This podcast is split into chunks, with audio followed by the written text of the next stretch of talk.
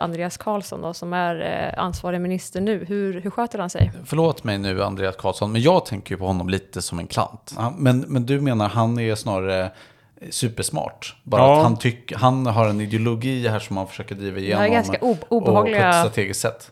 Det skulle jag säga, alltså i stort sett alla högerns eh, förslag för hur man ska omforma bostadsmarknaden har ju förverkligats redan i England och utfallet är ju horribelt.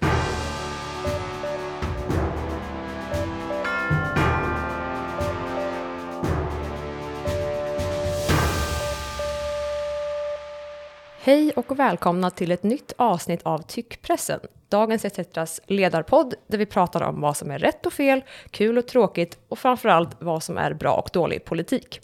Och idag ska vi prata om bostadskrisen. Och vi som deltar är jag, Annie Krona, Henrik Alalian som är politisk redaktör tillsammans med mig på Dagens ETC, Martin Hoveberg, chefsekonom på Hyresgästföreningen. Välkomna! Tack. Tackar. Eh, ja, det är ingen nyhet att det råder bostadskris i Sverige. Eh, år efter år har vi hört eh, rapporter om skyhöga bostadspriser och lång kötid till hyresrätter. Åtta av tio svenskar bor i en kommun med bostadsbrist. Ehm, jag läste igår att den genomsnittliga kontantinsatsen för en etta på 30 kvadrat i Stockholm är över 400 000 kronor. Och andrahandshyror är ofta dubbelt så dyra som förstahandshyror. Eh, Jag blev väldigt frustrerad när jag hörde det här och, och ledsen. Eh, och det här är inte en frivillig lyx att ha någonstans att bo och det är heller inte bara ett storstadsproblem. Hur känner ni kring bostadskrisen? Ja, för jävligt. Det är därför jag är engagerad i den här frågan. Mm. Det är, här har samhället svikit en av sina mest grundläggande uppgifter. Att eh, bostadsförsörja sin befolkning. Och det har den gjort i många decennier nu. Henrik? Nej, men jag håller med. Och ehm, det hänger ihop med så mycket annat. Jag, jag skulle inte alls bli förvånad. Jag vet inte om det här är så lätt att studera. Men om man pratar om att unga mår dåligt till exempel. Det är ofta som att folk tänker att de är för mycket på mobilen. Jag funderar på om det bara är att folk inte har någonstans att bo.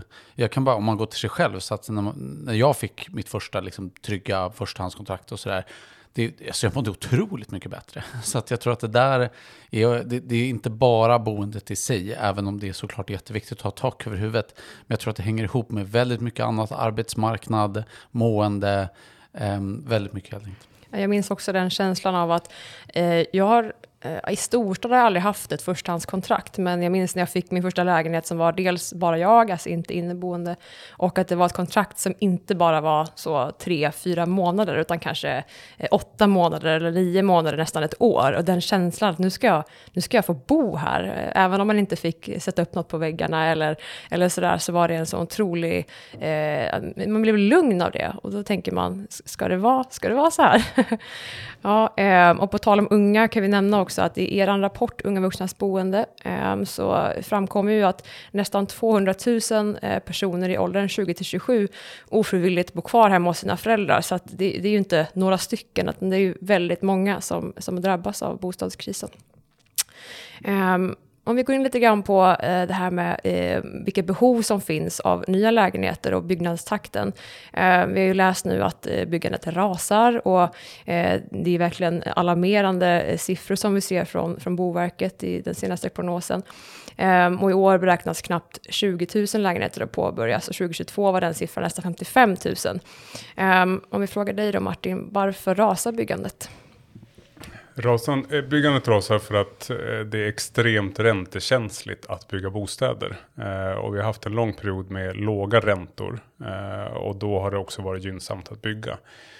Och så fort som räntorna sticker, då blir det en helt annan typ av kalkyl. Då måste man eh, antingen få in ett högre pris på det man ska sälja, eller så måste man få in en högre hyra på det man ska hyra ut.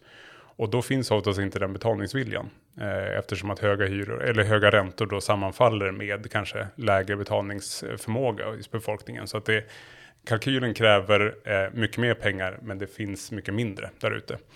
Och eh, då går kalkylen inte ihop och då bygger man inte. Eh, och eh, om man går, tittar lite tillbaka så, så kan man säga så här. Eh, det är en otroligt kapitaltung bransch att bygga bostäder. Det kräver enorma mängder kapital. Mm det som Boverket tycker att vi borde bygga varenda år, typ 65 000 bostäder, det eh, kostar i runda slängar 150 miljarder att bygga ett år.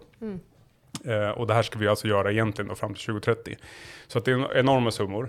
Och eh, då är det väldigt stor skillnad på om det är 2% ränta eller 4. Eh, för att då ska du helt plötsligt räkna hem mycket större intäkter eh, och det finns inte. Mm.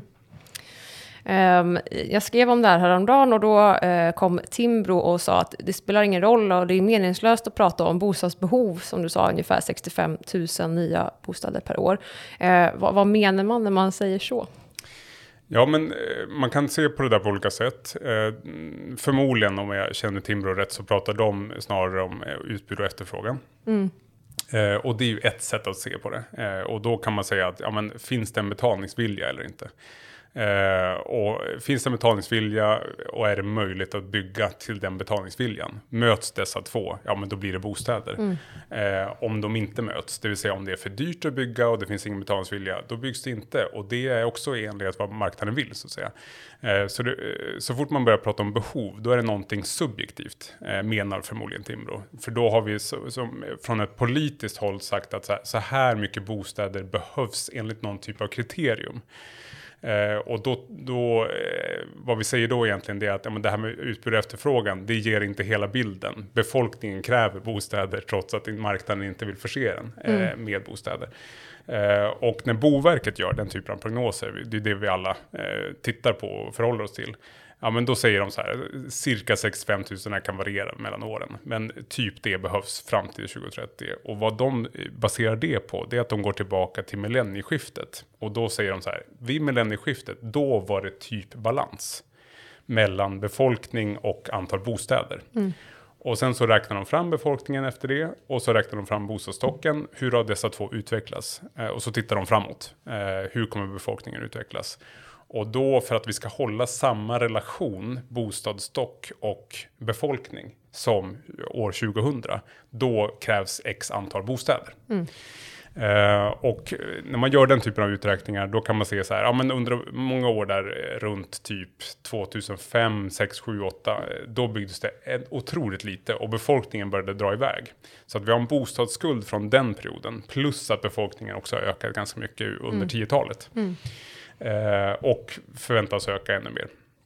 Och därför behövs det de här antal bostäder. Eh, och när, så att där har vi helt enkelt två olika perspektiv. Timbro tycker att den typen av uträkningar är helt meningslösa. Mm.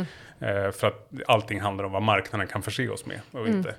Eh, Medan eh, politiken ändå utgår från den här typen av behovsframräkning. Eh, mm. Det är väl också en fråga om, eh, om bostadsmarknaden är en marknad som vilken som helst, eller om man ska kanske se att eh, staten då har ett lite mer, ett större ansvar. Men, vad säger du om det, Henrik? Nej, men jag tycker att det där är en intressant logik, som att, som att det, det bara var så marknad som, som folk brydde sig om, som att vi inte hade ett samhälle där folk behöver bo någonstans. Mm. Tycker det, det, ja. det är avslöjande, tycker jag. Ja, för just att är bostäder, som jag sa i början, det är ingen, det är ingen lyxvara. Och jag kan bli väldigt eh, ja, men ledsen och upprörd över att vi har behandlat det som en liten skitsak, när det är en av de mest grundläggande sakerna eh, i samhället. Jag kan bara lägga till där att eh, jag håller ju såklart med vad ni säger, men det är också svårt det här med behov. För att då blir det helt plötsligt, vilka kriterier ska avgöra behov? Hur lång pendlingsresa ska vi förutsätta att någon mm. ska kunna klara av? Vilken storlek på bostaden? Hur ska hushållen formeras? Ska, mm. det, ska det vara, om vi helt plötsligt eh, får en, en kultur där ingen vill bo med varandra, då kommer ju eh, uppstå en enorm brist. Mm. Men om, om det finns en kultur där vi bor med varandra, då gör det inte det. Alltså det, det är massa sådana där saker som avgör egentligen hur mycket bostäder som behövs. Så det, mm. det, det, in, det, det inbegriper en massa antaganden att göra det. Mm. Eh, och det är inte helt enkelt. Och man pratar ofta, och du gjorde också det i inledningen här, om, om bostadsköer.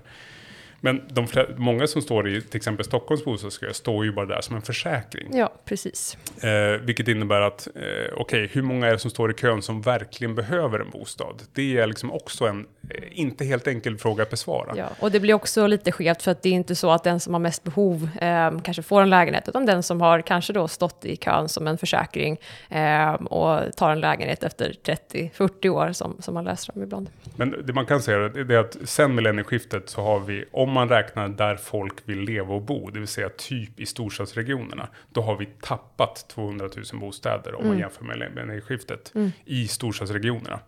Eh, vilket innebär att vi tränger ihop oss på mindre yta och vi bor hos varandra och ja, vi löser det. Men vi har, vi har inte samma utrymmesstandard som vi hade eh, för 20 år sedan. Men det är sant att det, det är knepigt det där med behov också. Det, det är inte bara att det ska finnas lägenheter, utan det, det finns ju ny produktion i vissa områden som knappt hyrs ut för att folk vill inte bo där. Så att, så att, och att, sen är det dessutom väldigt höga hyror då i nyproduktion och eh, då kanske man inte heller vill bränna sin, sin köpoäng på en nyproduktion i ett icke-attraktivt område. Så att det, det är absolut det är komplicerat. Precis. Um, nu går vi in lite grann på just hyresrätten som ju Martin såklart är expert på. Um, och de senaste åren har ju bostadspolitiken och såklart då även finanspolitiken eh, kretsat mycket kring ägande eh, och bostadsrätter. Ehm, eh, och I Stockholm framförallt har många hyresrätter ombildats till bostadsrätter och eh, ja, men en stor del av pengarna som vi som eh, i staten då lägger går till just bostadsägare i form av ränteavdrag, rutavdrag och rotavdrag. Och jag frågade faktiskt Ekonomistyrningsverket eh, om eh, summan för ränteavdraget eh, 2023 och det landade på 64 miljarder. Det är ju en hisnande summa som har såklart då ökat väldigt mycket i takt med att räntorna har gått upp. Um, kan vi börja med att fråga dig Martin, hur uppstod det här, kan man kalla det besattheten vid eh, att äga sin, sin lägenhet och att man inte fokuserar på hyresrätten? Ja, alltså det, det, är en jätteintressant fråga. Jag tror att, eh, och det kräver kanske mer än, än den här podden för att besvara den. Men eh, jag tror att så fort vi får egentligen en bredare medelklass i Sverige, det vill säga efterkrigstid och kanske 60-70-tal, då blir det också i Sverige och i andra länder eh, logiskt för en ganska bred medelklass att investera i sitt boende, att få större kontroll över det eh, och att spara pengar i ett eget boende.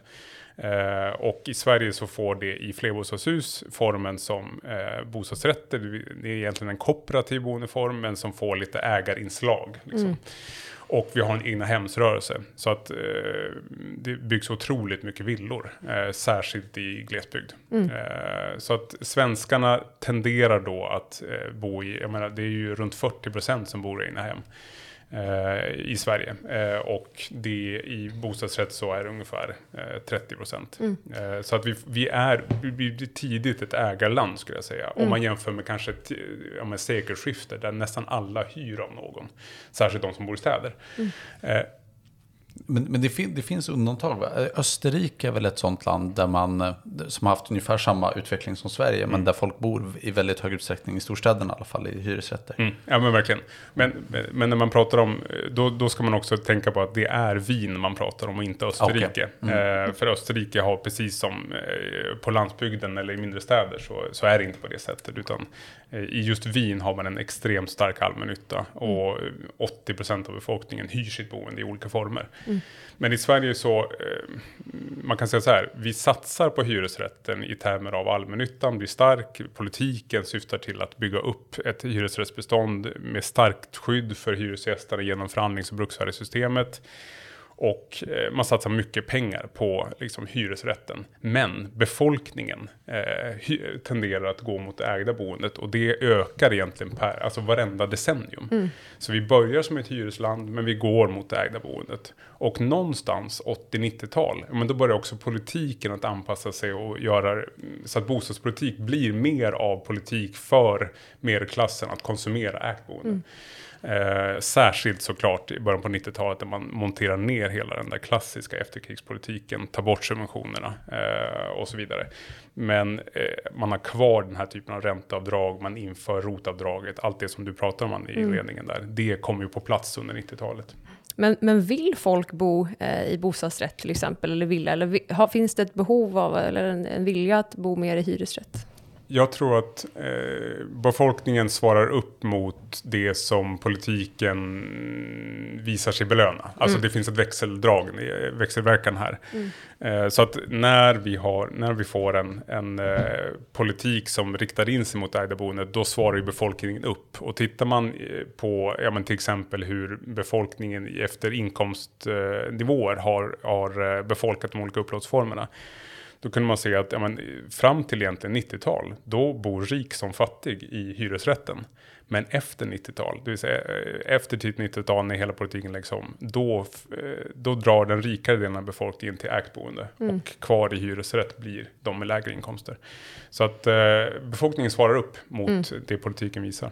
Det har också varit ganska mycket, upplever jag, en eh, retorik som handlat om att man ska äga, att man, och man har ju tjänat på det också eh, i långa perioder. Och för många så finns det ju inga andra alternativ. Alltså har man inte stått i kön länge eller om man inte har kontakter, då, då är det ju att köpa som, som gäller, även om man inte vill. Eh, sen ska man ju ha råd med det också. Men det är intressant det där, för det, det finns ju också någon slags inställning kring att just äga sitt boende är bra, för då, då mår man bättre, man känner sig friare, det är mitt liksom. Men jag upplever att, i alla fall i storstäderna, att det är väldigt mycket tvärtom. Att folk känner sig tvingade att faktiskt köpa, fast man kanske inte riktigt har råd. Om det fanns en hyresrätt i ett, i ett område man ville bo i så skulle man hellre välja det. Nu när liksom räntor har gått upp och sådär, då upplever jag att de som bor i bostadsrätt kanske känns minst fria. Och liksom känner det här trycket ifrån räntor och, och alla omkostnader så att säga. Så att det där tycker jag är intressant också, att man liksom bara köper det där. Ja, men det, man ska äga sitt boende, men det är ju inte du som äger ditt boende, det är ju banken som äger det. Ja, precis. Sådär, och, så, Ja. så där är, mm. Men, och du kommer in på en intressant grej där tycker jag, just med en frihetskänsla och att ha en eh, hyresrätt eller att det finns hyresrätter medför ju också möjlighet att, alltså när livet ändras, om man får barn eller om man måste flytta för att ta ett nytt jobb eller plugga, allt vad det kan vara. Ehm, så om vi går vidare lite grann på det, Martin, varför är hyresrätten viktig? Ja, men hyresrätten är viktig precis av de anledningar som vi nu pratar om. Eh, Men den blir också viktig om politiken gör den eh, trygg och eh, förutsägbar. Eh, vi har i olika delar av eh, Europa så ser man lite olika på det här med hyresrätt. Men just i Sverige så har vi valt att ha att det verkligen är en upplåtelseform som heter hyresrätt som har de här reglerna. Det är inte självklart om man går ut i Europa. Eh, hyresrätt i många andra länder är ju bara att okej, du äger din lägenhet och hyr ut den. Det är en hyresrätt. Eh, det vill säga det vi skulle kalla för andrahandsboende. Eh, men hos oss så är det en, eh, vi har normen om här att, att det är starka affärsintressen plus allmännytta, bolag som har som affärsidé att hyra ut bostäder i en hel kåk. Eh, och som sagt, det, det kan ju låta självklart. Det är inte självklart om man tittar ut i Europa. Eh, och det har gjort att vi, får, vi har en, en, eh, en hyresrätt som är trygg, som är förutsägbar, där vi kan förvänta oss vissa saker från hyresvärden. Eh, där vi har rättigheter och den har skyldigheter och så vidare. Och det här är viktigt för att eh, hyresboendet, som ett land får alltid en hyressektor, det kan man titta runt i Europa, ett land får en hyressektor oavsett. Så frågan är hur ska den utformas? Hur ska den se ut? Hur mycket eh, trygghet ska den vara beskaffad med? Och i Sverige så har vi en hög ambition för hyressektorn. Och det, har, det är bara att titta på våra grannländer. Norge har inte det. Alltså eh, 20% hyr där. Men de hyr källare hos privatpersoner. Eh, de hyr enskilda lägenheter i storstäder och så vidare. Och de har i stort sett inga rättigheter, det är marknadshyra, det är korta kontrakt, det vill säga andrahandsboende hos oss. Men eh, bara det. Eh, inte en uppstyrd hyressektor. Så att, eh, det är viktigt för att man har alltid en hyressektor och då är liksom frågan hur uppstyrd ska den vara? Eh, för att alla har inte kapital, alla vill inte äga. Det måste finnas en boendeform som är trygg och förutsägbar också för den. Mm. Och jag kan också lägga till där att eh, alla har ju verkligen inte en insats att lägga på en bostadsrätt. Och det känns ibland som att, som du var inne på Martin, att politiken handlar väldigt mycket om eh, medelklass och de som har ganska bra med pengar. Eh, och då kanske det lätt ibland eh, att glömma bort att alla har inte den här möjligheten. Och då, då är hyresrätten enda vägen. Eh, så. Jag tänker att det krävs ganska mycket också om man ska ha väldigt bra inkomst för att själv kunna spara ihop till en eh, Ja, kontantinsats. och att få, få lånet också kräver ju en Mm. eh, ganska rejäl eh, alltså månadsinkomst. Och om man kollar på arbetsmarknaden så är det inte så jättemånga unga som har alltså dels så höga löner och dels fasta anställningar. Man kanske börjar som vikarie eller provanställning och visstidsanställning och så vidare. Ja, och det är det här som är så, eh, nu har vi klankat ner på, på Sveriges bostadspolitik och det ska vi göra. Men det här är fortfarande någonting väldigt positivt. Alltså att vi har en hyresrätt som är en, en ganska trygg upplåtelseform. Problemet är att i storstäderna så eh, är den eh, inte åtkomlig för särskilt unga. Det finns för få. Eh, och det som byggs nytt är för dyrt. Alltså vi har massa problem med den. Men i grund och botten så har vi en upplåtelseform som är trygg. Eh, och som har en hög standard. Och där vi inte behöver ha enorma depositionsbelopp. Och där man inte behöver komma med sin egen köksutrustning när man hyr. Alltså det, det finns ju hur mycket o- olika historier som helst från våra grannländer. Eller nere på kontinenten. Eh, där det inte funkar. Saker som vi tar för givna. Men det där är ju också kanske en del av eh, framförallt eh, högern då, kanske polit- eh, kritik eh, mot hyresrätten, att det är för bra för att vara sant, om man säger så. Kan man säga att hyresrätten är ekonomiskt hållbar, eller krävs det mer i så fall då, statliga medel för att det ska gå runt? Jo, men det där är en jättebra fråga. Det, det är klart att den är ekonomiskt hållbar om man ser till eh, hur det går för hyresbeståndet i Sverige. Eh, förhandlingssystemet som vi har som, som ger eh, kostnadsersättning för den som, eh, som hyr ut. Eh, och sen kan vi alltid kivas om de där årliga nivåerna. Men uppenbarligen så går det runt för den här branschen och man kan göra vinster och så vidare. Och privata aktörer är intresserade av att driva eh, affärsverksamheten hyresrätt i det här landet. Så att det går runt, det går bra. Eh, men sen är frågan, hur ska det bli tillräckligt med bostäder? Och där menar vi att det kan inte lämnas till marknaden, men det kan inte det ägda boendet heller. Nej. Alltså, eh, det är bara att se nu, eh, när alla, som du var inne på inledningsvis, när alla drar i bromsen samtidigt, så, så visar det sig att okej, det här var visst ett samhällsbygge som nu har, bara har förlitat sig på en låg ränta och när den höjdes så gick det åt Mm. skogen. Och så har vi höga kostnader för ränteavdrag till följd av höga hyror. Ja, verkligen. Mm. Så, att, eh, men, så det är inte, det är inte en fråga om hyresrätten klarar sig.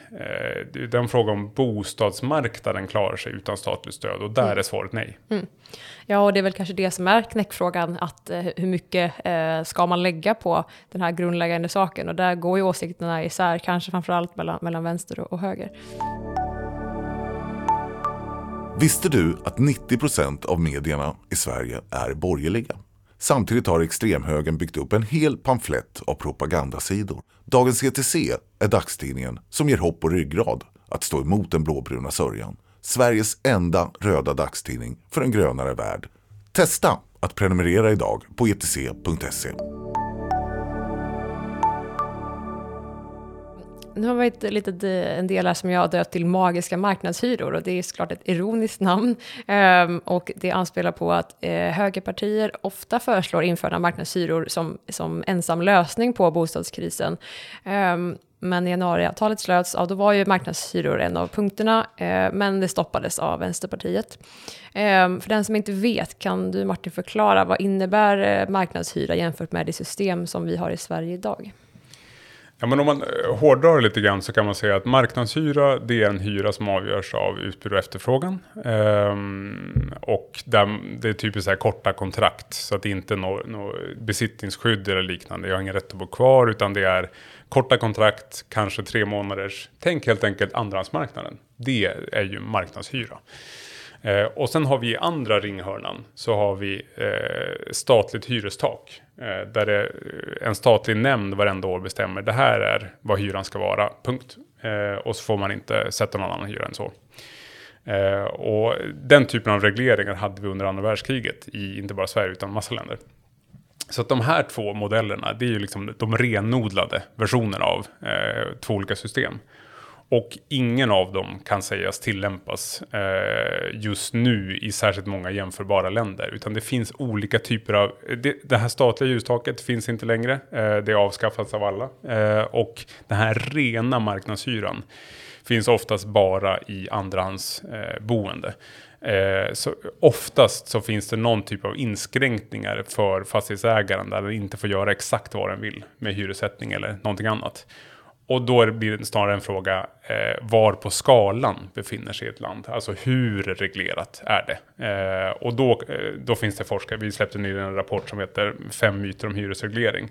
Där vi tittar på det här. Och då eh, finns det någon forskare som pratar om olika generationer av hyresreglering. Där den första generationen är den här typen av statliga nominella hyrestak. Och sen har vi andra generationen som är där man övergav det och sa att Nej, men det där leder till en massa konstiga mm, sidoeffekter. Vi måste ha någon typ av skydd, men det ska inte vara så rigid som det varit tidigare. Och där kan man säga att det här svenska förhandlings och bruksvärdessystemet placerar in sig. Det vill säga att du kan höja hyran av massa olika anledningar.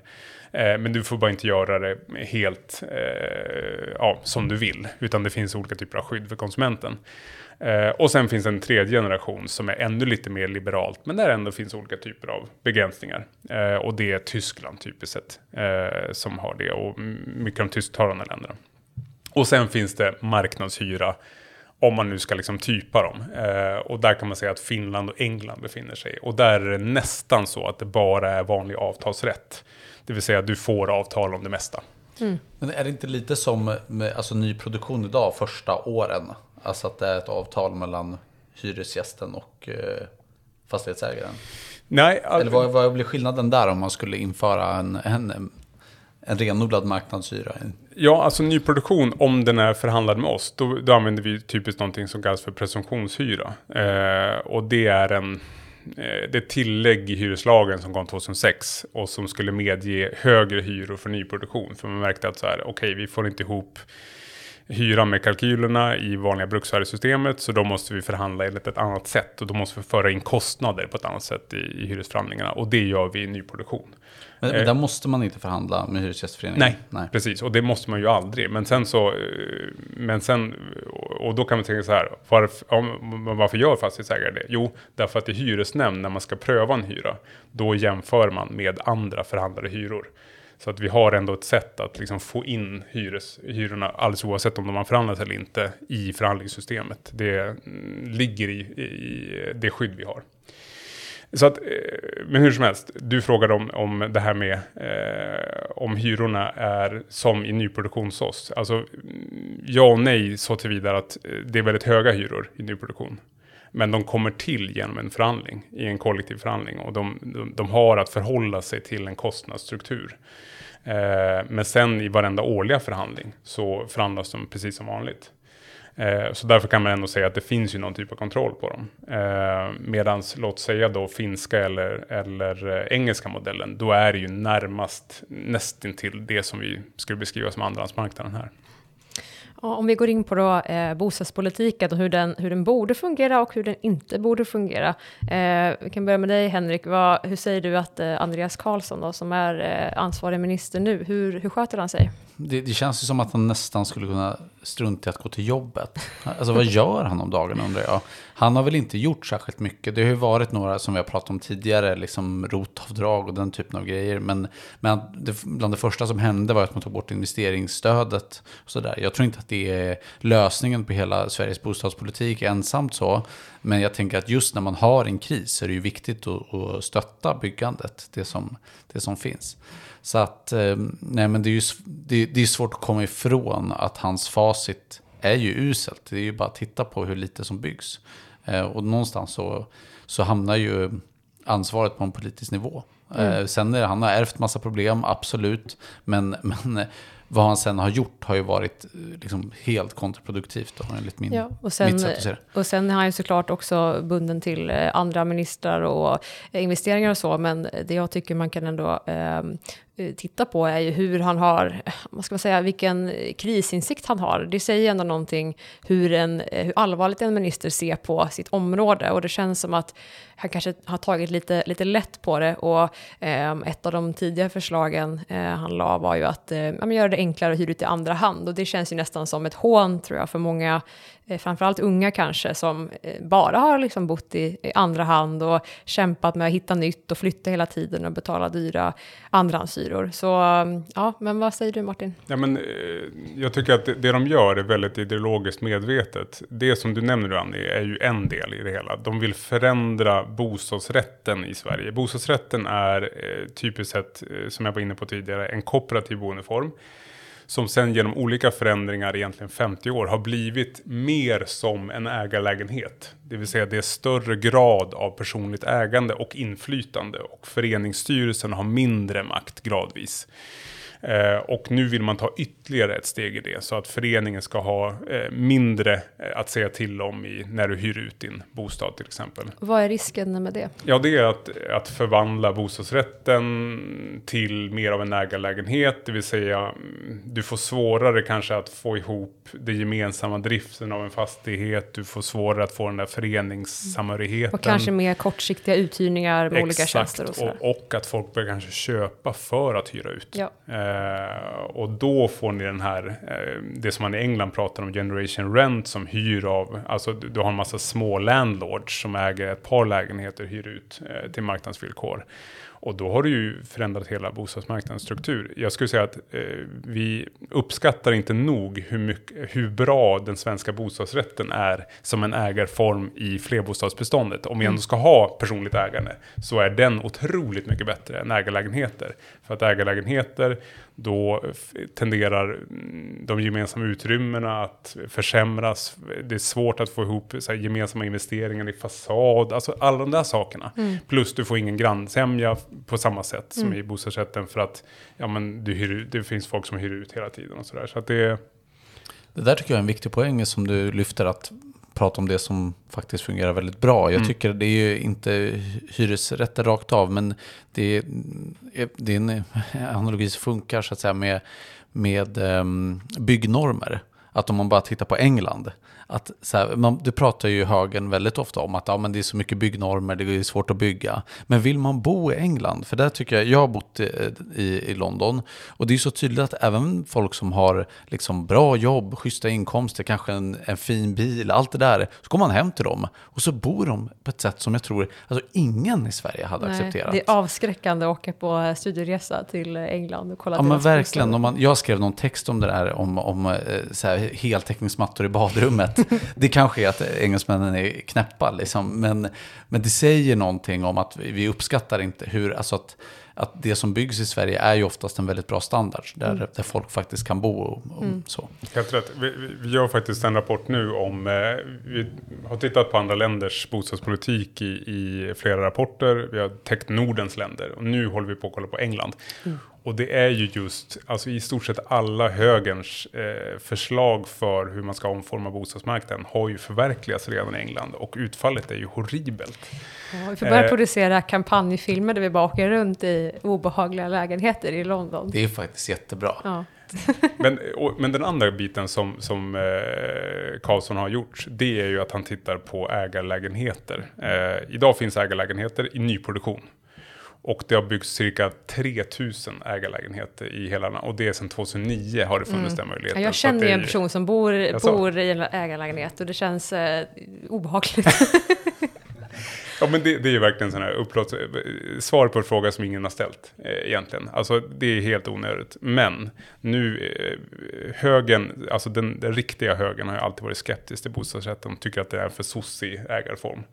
Eh, och så nu vill de ju ha riktiga ägarlägenheter och det har inte tagit sig nyproduktion. Okej, okay, vad gör man då? Jo, man går på befintligt bestånd. Mm. Och därför så sitter det nu en, en utredning som ska titta på just ägarlägenheter och ombildning till ägarlägenheter. Ombildning av hyresrätt till ägarlägenheter. Oj.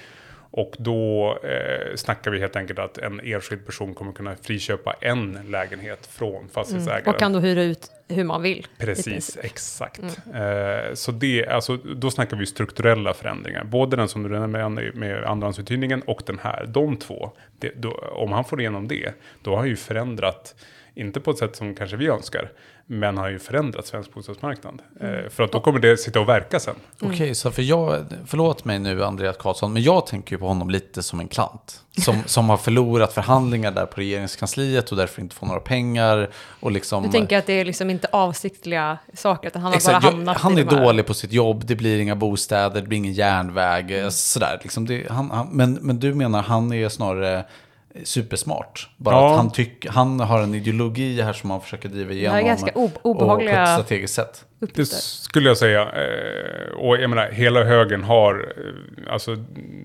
under ti, alltså, decennium har de ju enats i utskott om att de vill ha ombildning av hyresrätt till ägarlägenhet. Men va, varför vill de det? Om vi ska försöka snälltolka dem. Va, va, varför vill de det här? Därför att de tycker att personligt ägande på riktigt är, jag skulle säga att det är ett ideologiskt projekt för att eh, omforma medborgarna helt enkelt. Eh, bostadspolitik som ett sätt att eh, få en framtida förankring för medborgerliga värderingar, vilket gör att man vinner val i framtiden. Alltså den typen av ambitioner har ju också vänstern haft. Det vill säga bygger vi mycket allmännytta, då blir folk vänster. Eh, och för då känner man att man har fått något av systemet och då, eh, då får man en lojalitet till den som har levererat det. Och det har ju funkat i Wien. Alltså sossarna har ju aldrig förlorat valet i Wien. Så att du, men du menar om, om jag skulle eh, köpa en ägarlägenhet så skulle jag helt plötsligt säga Kanske bara känna att fan, dagens ETC, det känns inte helt rätt. Eh, kanske Svenska Ja. Dagbladet har en, Det är så effekten en ser ut. tjänst ledig. Ja. Precis. Nej, men, lustigt nog så har det inte forskats så himla mycket om detta. Och det är Ledarskribenter som bor i äganderätt. Där har ni en avhandling Ja, i kids. Men jag skulle säga att alla politiska partier som tänker kring det här har den här typen av tankar. Alltså eh, Kristdemokraterna älskar villan. Eh, De tänker ju sig att människor blir mer av eh, kristdemokrater om de bor i villa. Det är jag helt övertygad om. Intressant. Det är kul att vi har varit så snälla och tänkt att det är lite synd om Andreas Karlsson som inte har några pengar och sådär, men, men att det är utstuderat. Och den svenska hyresrätten, eh, ja, vi har Hyresgästföreningen, vi har liksom kollektivt förhandlingssystem. Om folk i hyresrätt så omfamnas man av det och då kanske man blir mer vänster. Alltså det, jag tror absolut att det finns den typen av tankar. Just det, för det, jag vet att i MP så, så finns det några som gillar det här egna hemsrörelsen ganska mycket. Det, jag tänker Ja. att de kanske då tänker att då kommer folk flytta till Järna Ja. och liksom starta yogacenter och... Men jag tror, jag tror det här med alltså just gemenskapen ska man nog inte underskatta heller. Just när det är om vi pratar krigs och kristider, då är det ju superviktigt att känna sina grannar, att man vet vem som kan hjälpa en med vad. Alltså, allt det där rycks ju också upp om eh, folk hyr ut sina lägenheter två veckor hit och dit. Alltså, det är också en sån punkt som man inte ska kasta bort, tänker jag. Nu har vi inte jättelång tid kvar, men vi ska såklart också vara lite peppiga och prata om vad man borde göra, inte bara vad man inte borde göra. Eh, så om ni får bestämma på Hyresgästföreningen, hur, hur ska framtidens bostadspolitik se ut? Ja, alltså vi har identifierat tre områden som är i behov av eh, de stora reformerna. Och det är finansiering, det är markpolitik och det är skatteområdet. Eh, väldigt så. Nu blev Eh, det tråkigt. ja, precis, exakt. Men- jag hade men- så god stämning här och sen... Men förklara. Finansieringsfrågan är ju eh, den första egentligen och eh, det absolut viktigaste och det märker vi nu. När eh, räntorna går upp så sjunker byggandet. Och vill man att det inte ska vara på det sättet, vill man att det ändå ska finnas någon typ av jämn produktion över konjunkturcykeln, då måste staten kliva in, särskilt i lågkonjunktur, och förse marknaden med eh, billigt kapital så att den fortsätter bygga. Det är helt avgörande. Och så har vi Alltså haft typ historiskt. investeringsstöd eller... Investeringsstöd fast i mycket större volymer. För att det investeringsstöd som fanns, det var på 4 miljarder. Och kom ihåg att jag sa att byggandet ett år kostar 250. Om, nu ska inte staten ta allt det, men ni förstår proportionerna. Eh, det var för lite pengar helt enkelt. Och särskilt i lågkonjunktur. Just det. Eh, när Man borde klämmat på. Man måste skrämma på. Och då, det kommer ingen att köpa. Att man ska ta av det vanliga driftbudgeten i staten. Och då måste det vara lån. Alltså staten lånar upp och lånar ut. Och därför föreslår vi förmånliga bygglån. Så att det är eh, en sån där, särskilt i lågkonjunktur. Och då kan vi hålla uppe byggandet. Eh, jätteviktigt. Det andra är markpolitiken. För man kan strössla hur mycket eh, subventioner som helst eh, på marknaden. Finns inte mark, då händer ingenting.